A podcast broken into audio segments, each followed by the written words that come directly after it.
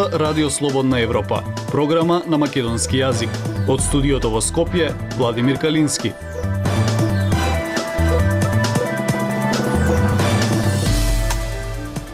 Почитувани ја следите емисијата на Радио Слободна Европа. Пожарот во Кумановскиот суд го привлече вниманието на јавноста, но таму се разгорени меѓучовечките односи, покажуваат извештаи на судскиот совет и Министерството за правда. Најавуваната трансформација на македонско село нема да се случи. Русија изврши напади со беспилотни летала врз Киев, Украина тврди дека се одбиени со системите за противвоздушна одбрана. Слушајте не.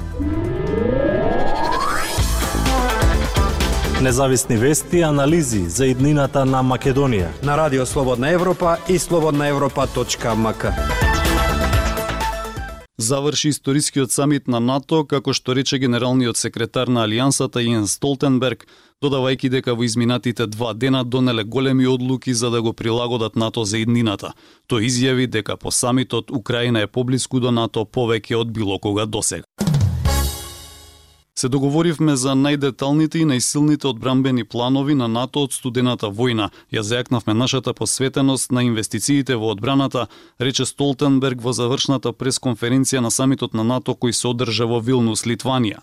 Се договоривме да ја приближиме Украина до Алијансата и да ја засилиме поддршката на долги патеки и уште повеќе ги продлабочивме нашите партнерства ни светот, рече тој.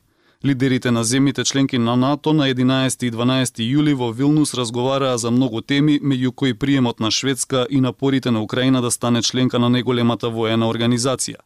Столтенберг денеска рече дека што туку председавал со инаугуративниот состанок на Советот НАТО Украина и дека од сега НАТО и Украина ќе се среќаваат во Советот за да разговараат и да одлучуваат како рамноправни. Ова е значаен чекор за приближување на Украина кон НАТО. Исто така ги поздравувам главните нови најави за воена поддршка од сојузниците на НАТО на овој самит, рече Столтенберг. Генералниот секретар на НАТО исто така рече дека сојузниците веќе обезбедиле воена помош од десетици милиарди долари за да помогнат да се победи инвазијата на Русија.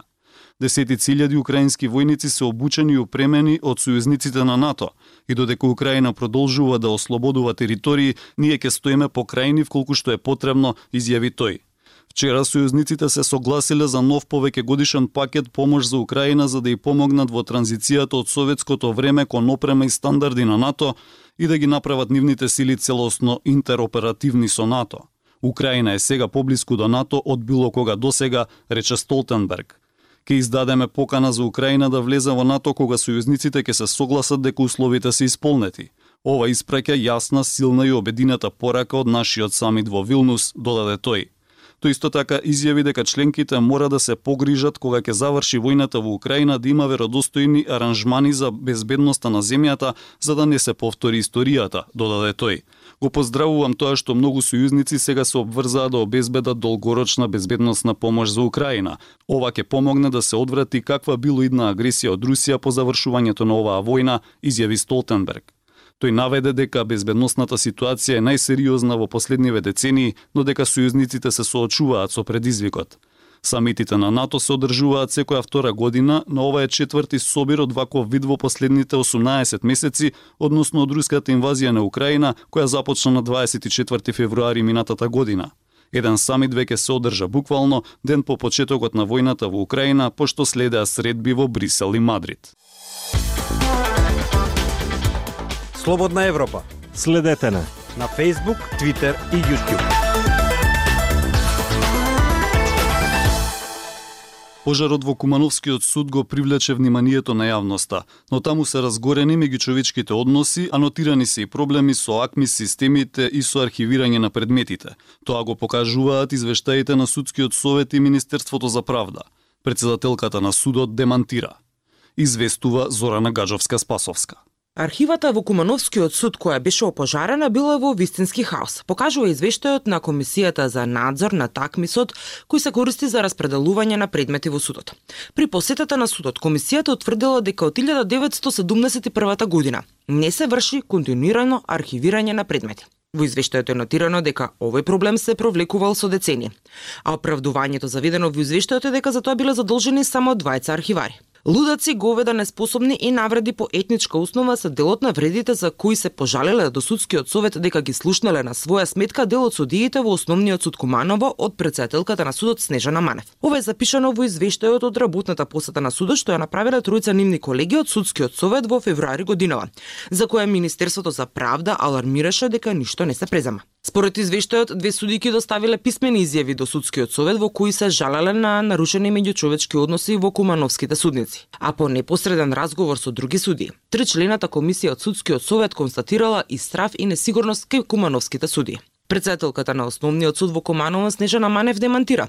Таа вели дека во незиниот суд не се нарушени меѓучовечките односи дека никогаш не ги навредувала судиите и вработените во Кумановскиот суд. Ви кажувам, ниту сум имала кавга, ниту сум се расправала, ниту па имам некаков проблем со судиите. Само една работа ќе ви кажам. Јас работам 25 години во судот. Таа додава дека судскиот совет не го доставил извештајот од работната посета на судот, кој е објавен веќе на веб страницата на советот. Во извештајот на тречлената комисија од судскиот совет за Кумановскиот суд се заведени злоупотреби на АКМИС програмата со која се врши автоматизирано распределување на предмети кај суди. Истовремено е констатирано и дека во дел од донесените одлуки не постојат образложени причини зошто одредени судии се исклучени од автоматската распределба на предмети кај АКМИС, се вели во извештајот. Тричлената комисија во која членувал актуелниот председател на судскиот совет Сашко Георгиев забележала дека во Куменовскиот суд не се распоредуваат предмети соодветно со стручноста на судиите, а дополнително според извештајот Манева рачно доделувала предмети кај судии кои доброволно прифаќале да ги работат без тоа да биде автоматски направено преку АКМИС. Председателката Манев вели им дека и Министерството за правда направило надзор пред еден месец, но не им наговестиле дека има некакви грешки. А за извештајот на судскиот совет и нивите забелешки не добила информација од институцијата. Доставив податоци конкретна одлука а, кога е исклучуван акмисот, дека најчесто се, а, не најчесто, него секогаш исклучувањата на судиите се само кога се на одмор, повеќе од 5 дена, согласно системот на АКМИС, или доколку судијата е на боледување, Судскиот совет досега не донел мерки против председателката на основниот суд во Команова, туку препораки за акциски планови и механизми како да се надминат проблемите. Насока да се постапува по закон. Дополнително ја упоменал Манева да внимава во иднина како се однесува затоа што како што се вели во извештајот е недозволиво раководно лице да биде пречка за нормално функционирање на еден од најголемите судови во земјава. Радио Слободна Европа, светот на Македонија. Трансформацијата на македонско село, која се најавуваше да биде во служба на развој на стартап и IT компаниите, сепак нема да се случи.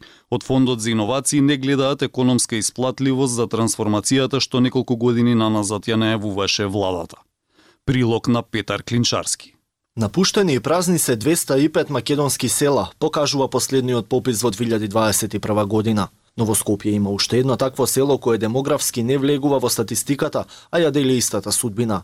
Тоа е македонско село во населбата Нерези, кое се наоѓа на падините на планината Водно. Комплексот од 12 автентични македонски куки стави клуч на капијата во октомври 2018 година, откако првите и последни концесионери на селото, компаниите Tinex и Queens, се повлекоа од стопанисување поради економска неисплатливост. Тоа е истата причина и поради која македонско село нема да доживее трансформација од туристичка атракција во стартап село, идеја која владата ја заговараше уште во 2020 година. Моделите за трансформација на македонско село започнаа да ги бараат Фондот за иновации и технолошки развој во соработка со организациите СВИСЕП и Стартап Чиле, кои заеднички изработија физибилити студија за развој на проектот Стартап село. Радио Слободна Европа имаше увид во документот на 26 страници кој посочува за придобивките и проблемите со кои се соочува стартап екосистемот во Северна Македонија, но и предлозите за начинот на кој би можел да профункционира македонско село. Во првата фаза од создавањето на консолидација на екосистемот, јавниот сектор треба да покрие 100% од трошоците за програмските делови на стартап село, за да се обезбеди правилно активирање на празнините на пазарот.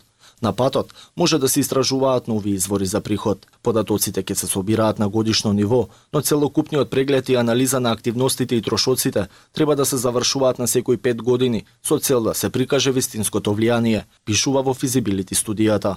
Авторите пишуваат и дека иницијативата за стартап село треба да действува како чадор стратегија за реализирање на моделот што Северна Македонија сака да го имплементира. Владата ги предложила следните мерки за промоција на предприемништвото и културата на иновации. Отворење на компанија со вкупна инвестиција од само 1 евро, државни грантови од 5000 до 15000 евра за отворање нови бизниси, Визибилити студијата и информациите кои ги нуди се покажаа како недоволни за владата, од каде во март 2021 година најавија дека покрај студијата потребни се дополнителни истражувања и консултации за дефинирање на одржлив модел за пренамена во стартап село. Радио Слободна Европа упати прашање и до владата и до ФИТАР. Дали се откажуваат од идејата? Одговорот од Фондот за иновации наведува дека пренамената тешко да заживее. Направени се и повеќе консултации со представници од стартап заедницата во врска со моделот за оперативност и одржливост на македонско стартап село, кои покажаа дека таков модел е потребен, но истовремено самиот објект се покажа како несоодветен поради големите финансиски трошоци за негова одржливост и оперативност, велат од Фитара за Радио Слободна Европа.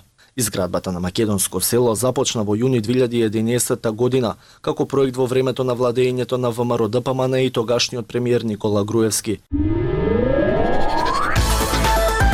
Актуелности свет на Радио Слободна Европа.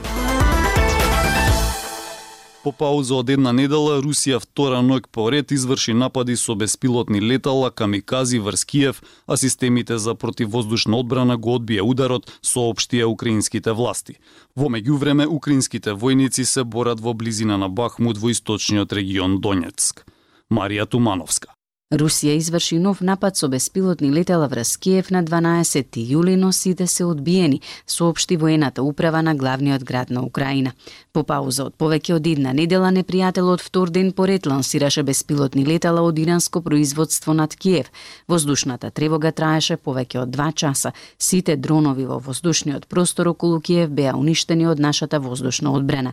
Нема информации за штети или повредени, соопшти Серхи Попко, шеф на воената администрација за Киев. Во меѓувреме украинските војници се борат во близина на Бахмут во источниот регион Донецки се движат напред со прилично умерено темпо. По пауза од повеќе од една недела, непријателот втор ден поред лансираше беспилотни летала од иранско производство над Киев. Воздушната тревога траеше повеќе од два часа. Сите дронови во воздушниот простор околу Киев беа уништени од нашата воздушна одбрана. Нема информации за штети или повредени. Рече полковникот Серхиј Черевати. Черевати на 11 јули рече дека непријателските сили очајнички се спротиставуваат и се обидуваат да го запрат напредувањето на украинските сили.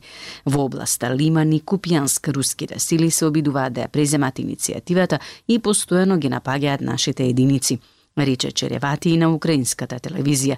Додава дека се случиле 10 пресметки и повеќе од 800 гранати од различни видови артилерија во текот на вчерашниот ден, истакнувајќи дека во моментов се врши голема борбена работа за да се истуркаат руските трупи од Бахмут. Треба да се земе предвид дека нашите одбрамбени сили се борат херојски во однос на персоналот и опремата на непријателот. Понекогаш губиме според бројот на гранати, затоа ни помага само нашата обука, мотивација и разузнавање. Постојано се движиме напред со прилично умерено темпо, но со големо зачувување на персоналот, што е највредно за нас. Изјави Черевати. Министерството за одбрана на 10 јули соопшти дека украинските сили во Бахмут веќе неколку дена го држат под оган движењето на руските војници низ градот. Британското разузнавање Институтот за проучување на војната со седиште во Соединетите држави соопштија дека по затишјето во јуни Бахмут повторно стана место на некој од најжестоките борби на фронтот. Тие потврдија дека украинските сили постигнале постојан успех и на север и на југ од градот. Во интервју за американската телевизија ABC News, командантот на копнените сили на Украина Олександр Сирски на прашањето дали е уверен дека Украина ќе може повторно да го заземе Бахмут, одговори: "Да, се разбира. Сигурен сум во тоа." На друго место во Украина пак генералот Олександр Тарнавски, шеф на јужната команда на Украина, изјави дека украинските трупи уништиле седум руски складишта за муниција во еден ден во насока на Таврија, напиша тој на Телеграм. Тврдењата на Украина за успех на бојното поле за сега не можеше да ги потврди Радио Слободна Европа. Според најновите податоци од Генералштабот пак руските трупи ќе продолжат да ги концентрираат своите главни напори на Купјанск, Лиман, Бахмут, Авдиевка и Маринка, каде што се водат тешки борби. Почитувани слушатели, тоа е се што ви подготвивме во оваа емисија. Од студиото во Скопје ве поздравуваат Владимир Калински и Дејан Балаловски.